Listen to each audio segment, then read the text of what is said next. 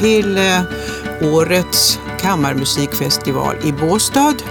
Här bredvid mig sitter Christian Carlsen, en av dem som medverkar i årets festival. Christian är till yrket dirigent Yes. och en eh, intressant sådan. För han sysslar så väldigt mycket med modern musik, eller hur? Ja, eller, ungefär hälften hälften jobbar jag med. Eh, Dirigerar ny musik och hälften gammal musik. Um, Du kanske inte är så väldigt välkänd för svenska lyssnare. Hur mycket har du jobbat i Sverige? ganska mycket. mycket jag är ganska regelbunden med, med ett par orkestrar här. Helsingborg bara, till exempel? Ja, bara för tre veckor sedan. Helsingborg, ett par gånger nu. Eh, Så det, jo, det, det är en del här också. Men jag jag är framförallt bosatt i Nederländerna. Varit där, bott där i, Haag i 12 år nu. Um, jag jobbar ganska mycket i Tyskland, ganska mycket i England. Um, men det blir lite överallt. Ja. Och så har du en egen festival. Nej, jag, har blivit, jag har inte startat festivalen, men jag har blivit konstnärlig ledare sedan i år för en festival i Nederländerna som heter Festival Dach in de Branding, som är en festival som äger rum fyra gånger om året. Det är fyra lördagar. Där vi spelar, där man har, programmerar kanske fem konserter på, på den här lördagen. Så man går från, det är runt om i hela Haag. Har, man går från en konsertlokal till en annan. jaha, så det är liksom så ett sånt där eh, konsertmaraton på det sättet? Ja, att, också. eh, först är du på ställe ett och sen avverkar... Ja, ja men så kan det vara. Det är lite, sen- finns, ja. Vi har lite olika modeller, men det, är- blir lite, lite från edition till edition men, ehm, av festivalen. Men i princip så har vi, vi brukar ha en buss. Eller två Ja, bussar. det var det jag tänkte. Ja, vi har en buss. Ja, därför att här i Båstad är inte alla så unga och spänstiga som du. Alla i publiken menar jag. Så att man behöver säkert någon hjälp att ta... Jaha, nej men i Haag är ju ganska storstad. Ibland är det just lite större avstånd så då, Ja, och, och ganska kort mellan konserterna. Så då har vi en festival, festivalbuss som de står och väntar när pub- eh, vid en konsertlokal och så tar de Die Hard. Det finns ju en, vi har ju en klubb med Ja. Die Hard som går på allt. Ja, jo. de köper ett festivalpass och sen går de på Ja. fem konserter. Och sen Det är samma de... som vi har här i Båstad. Ja, precis. Här. Ganska likt Ja, faktiskt. Så här, ja. Ja, och så... Och våran publik, vi har ju, alltså det är ganska fascinerande. Vi har ju fyra gånger om året och min chef, min som är, som är eh, chef, chef för vår, hon brukar berätta, säga att våra, våran absolut kärnpublik, de skickar ett mail och ber om ursäkt för att de inte kan komma på en, om de inte kan komma. Men det är väl självklart. Det är fantastiskt. Så man får ett mail och säger jag är hemskt ledsen att vi inte kan komma. Men vi kommer, vi, har bok, vi kommer i oktober. Så att, eh, vi har en väldigt uh, kärnfull publik, en stark kärnpublik som är väldigt... Ja, och det som ni då framför är huvudsakligen ny musik. Ja, den här festivalen är bara ny musik. Ja. Eller ja, fram, eller ja äh, alls, i, i princip allt sen skrivet som skrivits sedan andra världskriget kan man säga. Ja, okej. ja. Om det, är nu, om det är nu är nytt, vet du sjutton allt. Det är, lite- det är ju en bland, det är, ju- i, kla, i, I klassisk musik så är ju allt som är, som är mindre än hundra år gammalt är ju modernt och nytt. Det är ju också, det är ganska intressant, det är ju ganska unikt Ja. i samhället på det sättet. Ja, därför att din, din stora insats här i Båstadfestivalen var ju att eh, dirigera ett helt nytt, alltså ett uruppförande av en helt, det kan man ju verkligen säga var ny musik. Ja, det var ju jättenytt. Det var Benjamin Stan. Det har jag till Ja. och med beställt själv också. Det var ju väldigt kul att Ja. det passade så bra in att vi kunde urföra det här. Det är jag och Jakob Kellerman, då, gitarristen, Mm. som beställde ett stycke av Benjamin Stern. Det är det femte verket jag beställer av Benjamin. Jag har jobbat med Benjamin så länge. Jaha. Ja, vi har känt varandra sedan eh, i 15 år nu. 16 år. Ja, så det här är tag. Ja. Så det här är liksom... Som, nu har ni äntligen kunnat förverkliga Det här verket. projektet. Det här verket, Ja, precis. Ja, det har varit, det har varit, eh, det är egentligen ett stycke, det är inte helt nytt för det är baserat på ett stort stycke som jag urförde på Norrlandsoperan 2014. Då jag, beställde, jag beställde ett stort verk, en helaftonsverk på Norrlandsoperan, stora scen, en opera. Min idé var att vi skulle ha en opera utan sångare. Aha! Så vi skulle liksom få en Det är verkligen en utveckling av operakonsten. Ja, eller något. Eller, något håll. Ja, något håll, ja. Nej, men idén var att man kanske man skulle kunna ha ett abstrakt verk som ändå är narrativt. Man, det låter ju... Var det bilder, var det bilder Ja, det är en, jag, pro- projicerade? nej, nej, nej, nej. Det är alltså en konst... En, en, vi jobbade med en japansk eh, konstnär som heter Yoko Seyama. Ja. Som byggde något slags mellanting mellan en scenografi och en installation som rör sig och eh, inte bara rör sig men Ja, som, som interagerar med musiken. Så vi hade ganska hög, vi hade liksom halvhögt dike så man såg musikerna också. Och sen Ja. så var det liksom stora... Så, det var, så, och så såg man scenografin Ja, det är tre. Det är väl det är fyra scener. Uh, egentligen är det fem scener. Det, det är scen A, B, C och E. För D blev struken, men vi behöll scen E-namnet. Nej, men första... ja, men det handlar, hela, hela, hela projektet handlar om färg. Uh, Ja, för och- Benjamin är ju, han säger ju att han eh, Ja. binder tonen med en bestämd färg. Ja, det där har vi ju hört om nu i tio år. Och vi, och vi andra tänker så här, ja, det kanske, ja du vet, så fort man har vi har haft urförande och har spelat, turnerat med Benjamins verk och har tagit till Nederländerna jättemycket. Jag, gjorde, jag var konstnärledare för en, ensa- en ny European Ensemble i, i sju år, så jag hade, Benjamin som composer in residence och jag urförde, vi turnerade ganska mycket. Och så fort det var sån här konsertintroduktion eller en podcast eller någonting, vad det nu var, Ja. så Benjamin bara, ja, jag ser färg och jag, ja, när jag hör toner och alla sitter, ja, ja. Mm. Ingen har någon aning, vad, ingen har aning om vad det handlar om. Så att- Ingen annan ser någon färg. Nej, så jag tänkte så här. bara Benjamin som- Nej, så vi tänkte så här. Nu är det dags att försöka, inte för att vi skulle försöka göra samma färg som Benjamin, det var inte det, men för att vi, ide, min idé var att nu försöker vi få till ett projekt Mm. där publiken kan få, kan få uppleva idén om att det här blir överväldigad av färger samtidigt med musiken. Ja. Så, och jag kände Yoko Suyama sedan tidigare. Hon, hon, hade, hon hade bott i Haag, som jag bor också. Ja. Och hon hade samarbetat, gjort ett projekt med Jirji Kilian, som är en fantastisk koreograf. Ja, ja, visst. Oh ja. Så hon hade ju, Jirji Kilian hade sett en installation hon gjort och hade frågat henne om han skulle kunna få använda material från den i en, som scenografi som han gjorde sen själv då. Så att det var så, och jag hade sett ett installation som handlade om liksom när hon projicerade på ett slags material som sen reflekterade upp. Så det såg ut som att um, liksom, ljus liksom flyttade, skapade former. Fantastiskt. Flöt omkring i rummet. Helt Efter mu- musiken. Nej, det var, det var bara installation färg. Jag Ja. tänkte sådär, det här är ju det vi ska... Om vi ska ha, om vi ska ha någon som ska, kan göra något estetiskt Ja, fantastiskt så. med färg. För det är ju inte bara att du vill ha scen, sen, du vet, scenfärger, att det plötsligt nej, lyses att- upp, scenen så- blir blå. Och sen, blå. du vill ju ha något estetiskt som är lika intressant som Benjamins musik. Ja. Och så det var där någonstans började. Och där, I två år höll jag på att bygga upp det här projektet och vi sam, försökte få dem att samarbeta och skapa den här föreställningen. I Umeå. I Umeå, på Kulturhuset. Från Haag. Ja, ja, precis. Så på Kulturhuvudstadsåret fick vi till det här projektet eh, som är väldigt unikt och det ju, säger ju något om Norrlandsoperans också avantgardistiska och liksom framåttänkande. Riktigt. Att man tänker att det här, den här typen av scenkonst har lika mycket plats här som eh, Puccini. Ja. Och det är fantastiskt. De har den här Made-festivalen som vi var en stor del av, öppningskonserten på det. Och det var ju fantastiskt. Så att, men då, vi gjorde det här i gigantiska stycket. Det var 20 musiker, 25 musiker i, i diket. Och Jakob Kellerman hade en liten del då. En, del av det här verket är det här gitarr, var, Ja, var för 10 han- minuters gitarrsolo. Ja, för igår var, eller det var ju igår som detta eh, verk, igår, vi talar nu om, vi sitter här lördagen den 2 juli kan jag väl avslöja. Och det var alltså igår som det här verket uruppfördes här i Båstad med dig som dirigent. Det vill säga, och Jakob Keller Ja, som solist. Ja. ja. Men fasten utan eh, färger. Ja, nej men grejen var den att vi, det här var ju så gigantiskt det här projektet. Ja. Alltså vi, jag, jag spenderade kanske fyra år från idé till, liksom, Till- till, det verkligen hände. Och vi insåg ju att det var ju så fantastisk musik. Delar av det här var så fantastiska att vi sa till Benjamin, ska du inte göra en svit för oss? Men lite mindre, för en Ja. besättning som vi kan, kan hantera, som vi kan på en kammarmusikfestival. Precis, som kan bli ett unikt verk på Kammarmusikfestival. Och då, och det lyckades vi då, jag och Jakob, hitta lite pengar eh, för. Och så ja, vi be- beställde vi det här av Benjamin. Och Benjamin har tagit delar av det här med material från Simon. Han har gjort om det och jag måste säga, placerat om det, gjort om formen så att det blir, får en ny form. För att det här, den här delen ingick, var ju, en del, liksom en, var ju en kvarts del, tio minuters del i ett tim, Ja. en och en halv timme långt verk. Så att det var, har en helt annan funktion där. Men det blir ju fantastiskt. Så att vi tänkte att det vore fantastiskt att ha ett verk som vi kan spela praktiskt, Ja, ja, enkelt, få ja. ihop. Um, så att det inte liksom står och faller på man när måste- Stockholmsoperan kommer på att det, kan, det här är nog en bra idé. Ja. Så att, um, ja men man vill ju inte... Jo men det är ju Du där... har ju rätt i det. Det är ju det som är det lite bittra egentligen med operakonsten. Att, eller så, att den, är så, den är så krävande. Den kräver utrymme, tid, eh, massor av människor och... eh, Ja, men jag säger att det är det där bittra med våran konstform. Att, att, Ja. att du är beroende av...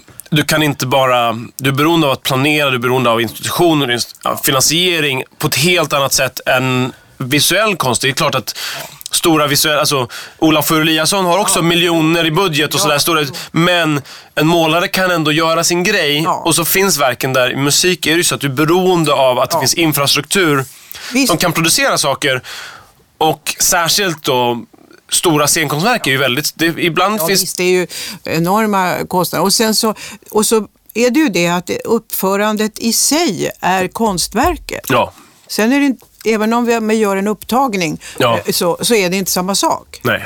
Och det kände vi väldigt mycket igår tycker jag. Det var en sån här riktig sån nyhetskänsla i, hos publiken, nyfikenhet. Jaha, vilken stämning det blev. Ja, ja, att det här var något eh, som ingen hade hört och alla var spända på vad det var och, Ja. och, och blev glada. Det är ju som är så fantastiskt med livemusik. Mm, ja, Du får, ja. kan ju få ju den här...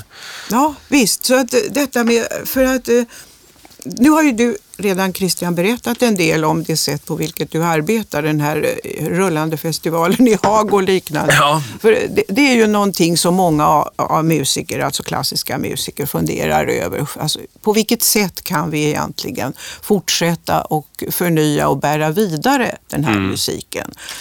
Eh, Här har vi nu en vecka med 25 konsertpunkter och Ja. eh, det är en väldigt speciell form och det är Ja. en väldigt pasta och det är en speciell sak. Men i vardagslivet så är det inte festivalveckor utan då är det ett annat sätt att ta till sig. Mm. Och vad kan man då egentligen ha för funderingar? Ja, det är en bra fråga. Ja, jag, ja jag, jag vet så. Den här idén att man går på kvällen och lyssnar på musik under Ja. högst två timmar. Så går man hem. Ja.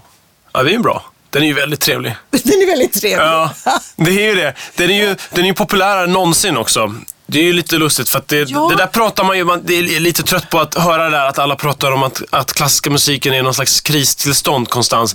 För det där, det är ju inte riktigt sant. Det är, klart, det är klart att det finns ehm, saker som man skulle kunna, som man borde göra. Men inte just för att det är någon, just, inte nödvändigtvis på grund av att det är en kris, utan snarare för att vi har, för att vi vill göra saker på Ja. ett intressant sätt. Men jag tänker ju alltid att att ju mera centralt man kan placera liksom det konstnärliga innehållet i det här, desto mer intressant blir det. Så man kan bli mera, ju mer idémässig man kan bli kring vad man vill presentera för publiken och varför man presenterar just det och på sättet man gör det, desto intressantare blir upplevelsen för publiken. Det är, det, det, det, det är min liksom, så att säga, Ja, jag, ledstjärna. Ja. Att liksom utgå från man sätter, man sätter sig själv i, liksom, i en stol, i en stol och sen tänker man så här, vad skulle jag Ja, vilja jag uppleva här? Och hur skulle jag vilja, hur skulle jag vilja bli mottagen när jag kommer hit? Mm. Vad för typ av upplevelse vill jag ha? ja. Och där någonstans, det är en mycket bättre position än att man sätter, för att det blir, kan ju bli väldigt pragmatisk, våran värld. För att det är ju en stor institution, mycket pengar. Ja. Du ska, en orkester ska producera 40 program varje år och man gör allt. Och risken är ju att man blir väldigt såhär, ja, nej men då spelar vi den Brahms-symfonin då. Ja, och med, ja men då, den där solisten kan komma då, den vill vi gärna ha. Så blir det, har vi ett program. så har och vi en sångcykel här och... Ja, Ja, nej men, och det är ju fantastiskt. Och vi pratar ju då alltså om liksom, mästerverk. Ja, och, visst, utan, och då pratar vi om liksom, verk som har ett otroligt starkt innehåll. Verkligen har. Och ibland så försvinner liksom det här, tar man det för givet och så försvinner, tänker man inte så mycket på vad de här verkligen handlar om och vad, vad det egentligen är. Mm. Och då, det, jag ska inte säga att det blir sentimental, men det, det är det här, det, man blir väldigt pragmatisk på ett sätt som kanske inte alltid är så hälsosamt. nej, Och det är ju inte något fel i det. Det är ju också bra med rutiner och det är, att ha ett abonnemang är ju fantastiskt att gå på konsert en gång i månaden. Ja. Men visst, och det, det är klart att för många är det en, en helt naturlig vana, precis som man prenumererar på en mo- morgontidning. Men det anses ju att allt detta har ett slut i vår digitala värld. Nej, jag tror inte det. Vad bra! Jag tror inte det. Det för tror tror inte jag heller. Nej, jag tror ju att det är jättebra och kul med digitalt, men det är ju inte... Men, Nej. men eh, Nej. kanske att papperstidningen i sig kanske inte... Nej, det kanske, kanske det är ju en inte. med, medium, så att säga, Men kan ju alltid förändras. Men jag tror just att gå till en konsertsal. Ja. Du vet, det är, konsertsalen är fantastiskt. Det är det enda stället där du inte får prata mobiltelefon. Just. Förutom flygplan. Det är de enda två. Det är de enda två. Ja, men och jag, tror kan att, man- jag tror att det är nya kyrkan lite grann. Du vet, man går till ett ställe, en konsertsal, en teater. Du, vet, du Ja, stänger av det. tror Och du jag är inne på något nytt. och du fokuserar på- Ett rum där du är avskild från världen. Ja, nej, men du fokuserar på en sak Mm. i en timme och det är helt okej.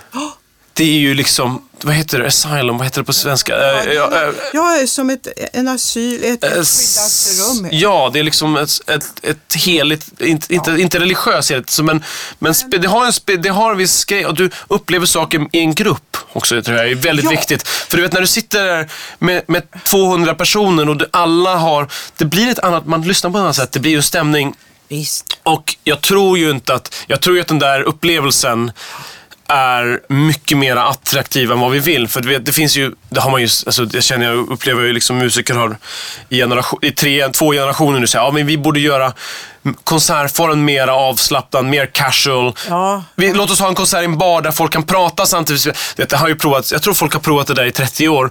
Och så fort man går på en konsert där de spelar i en bar, det är ju, jag säger inte inget fel med det, det är ju fantastiskt, det är också en kul idé. Uh, det kan man absolut göra, men, men jag upplever alltid när man kommer så här, vill, det är ingen som vill prata när man lyssnar på Brahms. Nej. Det vill man ju inte göra. Det är inte, det är inte, så att jag tror att just det här, jag tror inte man behöver vara rädd för den upplevelsen. Att den, är lite, den har lite ritualer.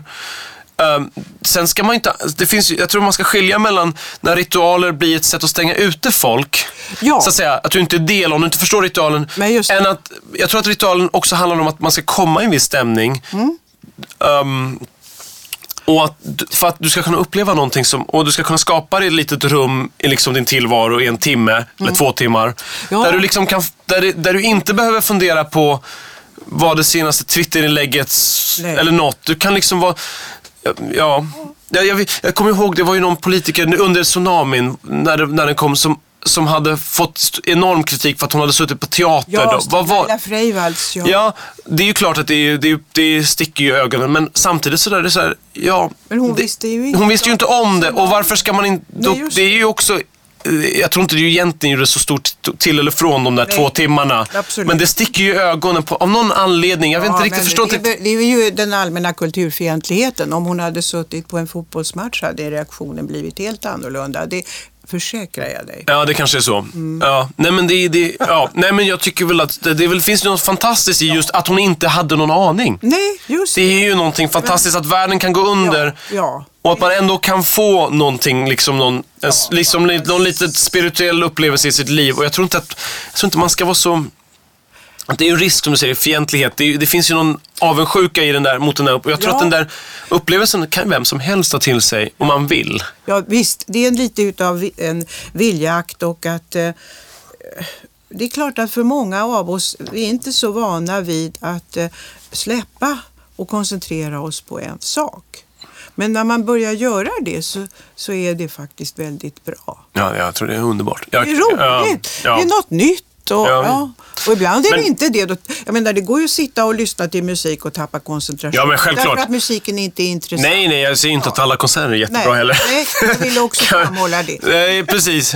Så- precis. Men jag tror ju att den där upplevelsen, jag tror inte att den, och jag tror också att det, det där, det finns ju det här att ja, det är inga unga som går på konserter. Det är ju inte heller riktigt sant. Jag tror att det är inga mellan 30 och 50 som går på Nej. konserter. Och det, har vi ju, det, det kan vi ju bara säga att så är det. Och det kommer ju inte, hur mycket vi vill ändra det så är det ju, kommer det ju vara så. Ja, det är, det är precis min uppfattning också. Att eh, det är hopplöst. Varför ska man, hur ska man kunna föreställa sig att livet för en vanlig småbarnsfamilj med två arbetande föräldrar, var ska de kunna få tid till att ta fem timmar? Eh, eh, Nej, nej, nej, det, så är det. Men, och jag tror också sådär att, att ehm, Charles Rose, den amerikanska pianisten som var fantast, också en fantastisk, fantastisk pianist, spelar mycket ny musik och är fantastisk pianist, uh, uttolkar Brahms, skrev några fantastiska böcker, Sonata Form, liksom riktiga klassiker inom ehm, eh, ja. fantastiska böcker. Ehm, han, men han skrev i en bok att vi har ju mycket traditioner i klassisk musik. Ja, det kan- Kanske lite för många ibland, men ibland blir man lite trött på dem. Ibland är de lite också tradition för traditionens skull. Men sa, en av klassiska musikens äldsta traditioner, traditioner är idén om dess död. Mycket riktigt. jag, tror att, jag tror att folk har påtalat att det, det sitter bara, det är bara gråa, gråa hår. I, det har man pratat om sedan 40-talet. Ja visst, men, eh, och, och det kommer ständigt nya gråa hår. Alltså det är det man får eh, förstå. Ja, och så Som kanske du det, säger, det va? kanske... I, i, för under 30 så går man både på opera och teater och konserter. Ja, eller på rockkonsert eller på... på Ja, eller, men, vad det men det kanske är så att man vill lyssna på det här när man... Åker på festivaler kanske, ja. Och sen så kommer några år då det finns väldigt litet eller obefintligt utrymme för detta. Och sen kommer de gråa håren och då. Jag tror att många upptäcker klassisk musik också efter, senare i åldern. Det kan nog hända. Jag tror, inte att, jag, tror inte att det är, jag tror att det är vanligare än vad man tror. Eller vad vi, vad vi vill erkänna kanske också. Och jag tror inte det är fel med det. Menar, nu går ju folk i pension när de är 67 och så lever man till man är 100. Så Ja. nå, något ska man ju ha. Ja, och det är vad ju ska inte man något... göra under alla dessa år annat än sitta i en konsertsal? Nej men det är väl fantastiskt. Nej men det är ju det som är så Ja. fantastiskt. Det, det är ju inget fel med det. Nej, och det som är roligt är också att den som då har börjat lyssna på klassisk musik blir, som du säger, nyfiken på nya Ja. stycken. Eh, Det, hemma lyssnar vi ju oftast då på samma Brahms. Jag menar, vi tycker om och så spelar man, in, har några inspelningar av olika. Men när jag går till konserthus vill jag inte bara höra stycken jag redan har hört, utan nya stycken.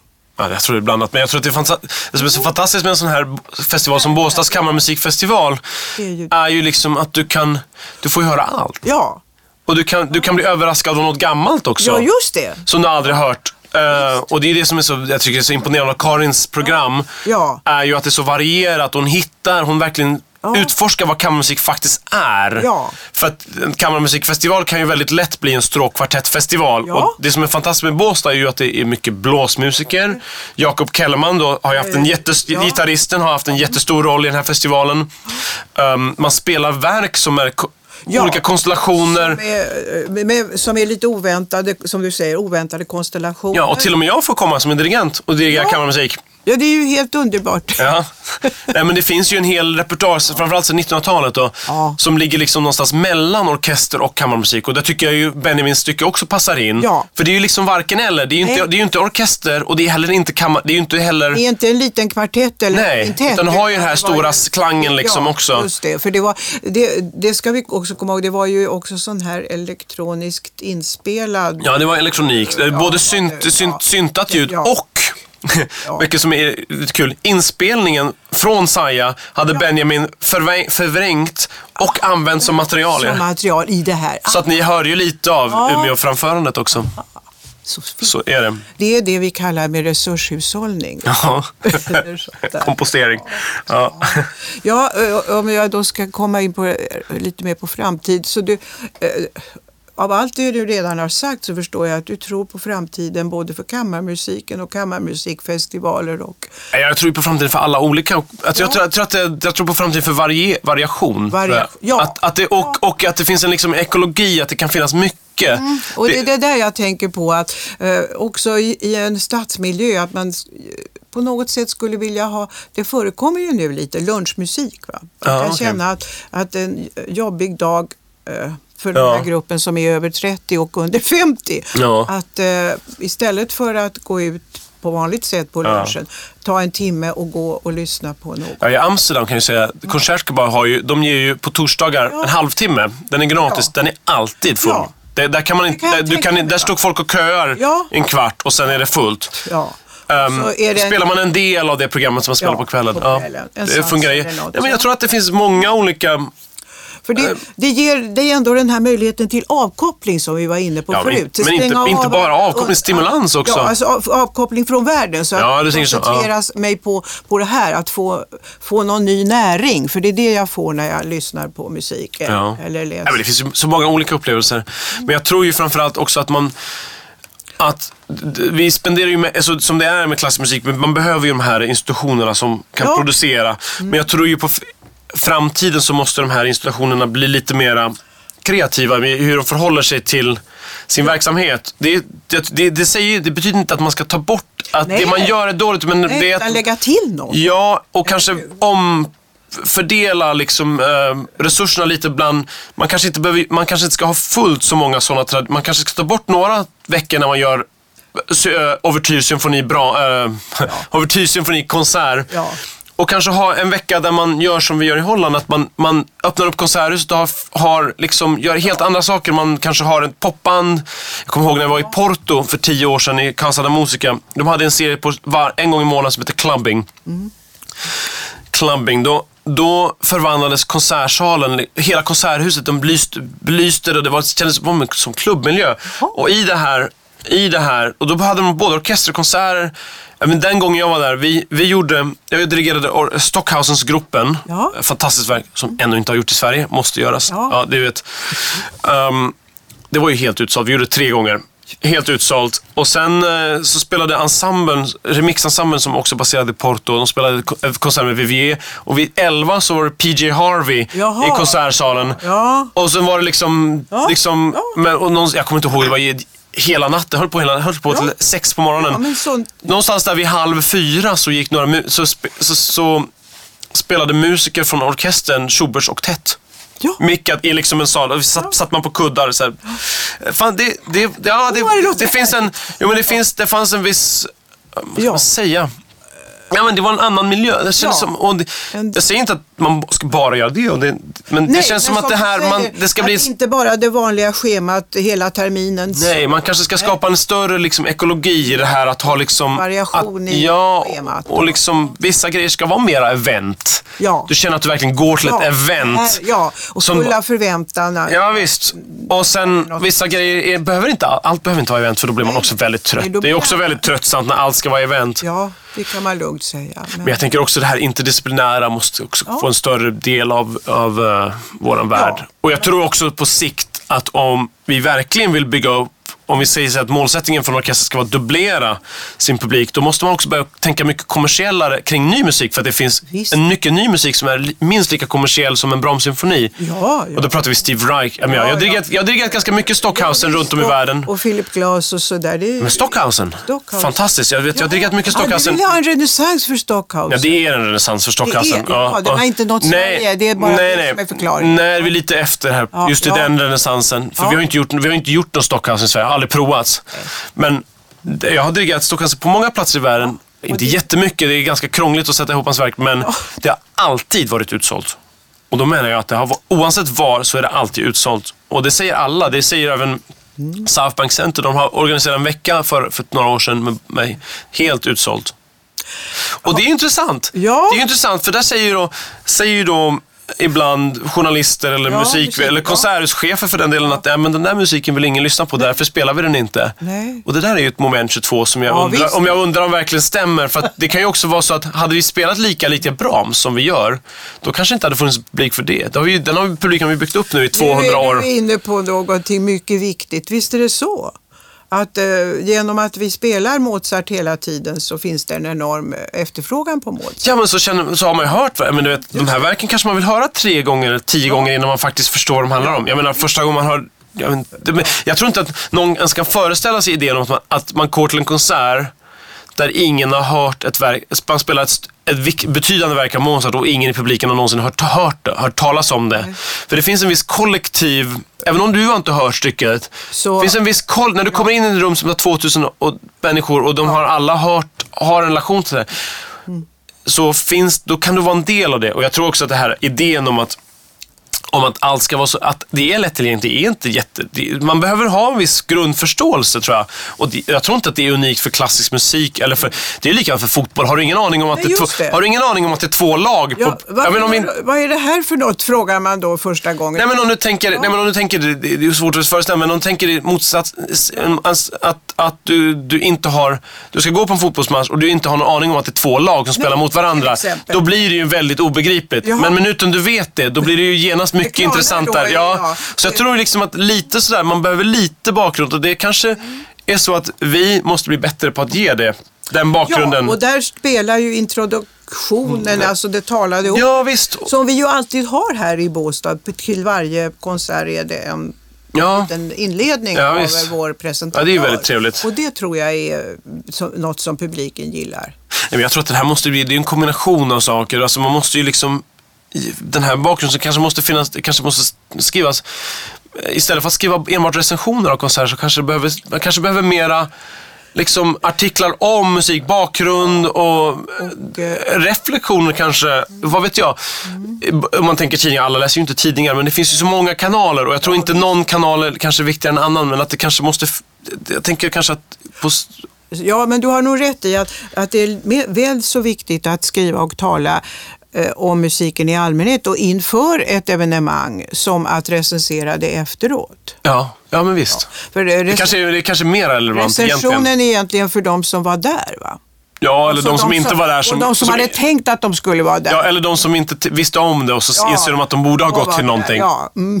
ja, det är också. Jo, men det kan, jag, jag ska inte underskatta re- recensionens Nej, värde. nej. Också heller att nå- man har gått på en konsert och så kan man re, re, läsa en recension och så Och kan man, kan man få... Nej, inte facit, men du kan få... Vad heter det? Du kan få någon annan persons reflektion Ja. på samma upplevelse och därför kan du reflektera dina egna upplevelser och kanske få perspektiv på dem. Det ska man ju inte under, det är ju en fantastiskt viktig funktion tycker jag i alla fall. Men, men det, jag tror att man kanske måste börja tänka mera Ja.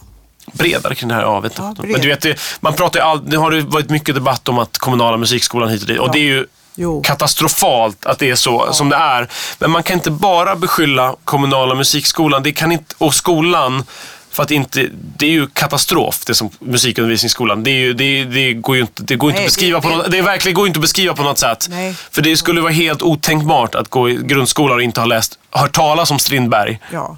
Eller Lagerlöf. Alltså, men det, det är helt normalt. Ja, Christian, jag är inte säker på att, Ja, det kanske att är de värre. ens... Ja, det kanske är värre. Ja, men alltså just musik är katastrof. Men samtidigt så kan man inte skylla över allt där utan det känns som att då, då har vi, vi har tunga institutioner, välfinansierade visst. och det är någonstans där Ja. det måste också finnas en större vilja att dela med sig där.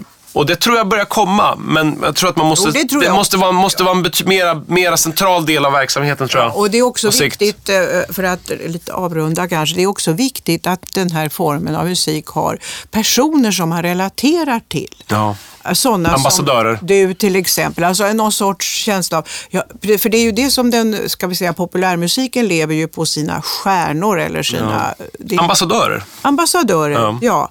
Och eh, människor som man eh, läser om och ser och, och intresserar sig för. Ja, Ja, nej, visst. det tror jag. En sån som du, Ja, kanske det. Karlsson. finns nog flera stycken. Ja, men var inte så blygsam. Det skulle jag aldrig vara. i Sverige. läget. Säg som det är, att eh, du är en ut, utmärkt utövare av denna konstform och en intressant och rolig människa att tala med. Tack Christian Carlsen för att du pratade med oss i Båstad kammarmusikförening. Vi hoppas nu att du fortsätter med eh, alla de roliga projekt som, eh, och inte minst Stockhausen väntar vi på. Och eh, nu får vi höra en litet, litet bit av Benjamin Sterns kompositioner. Det som eh, Christian brukar dirigera. Ja, men det är bra. Tack så mycket.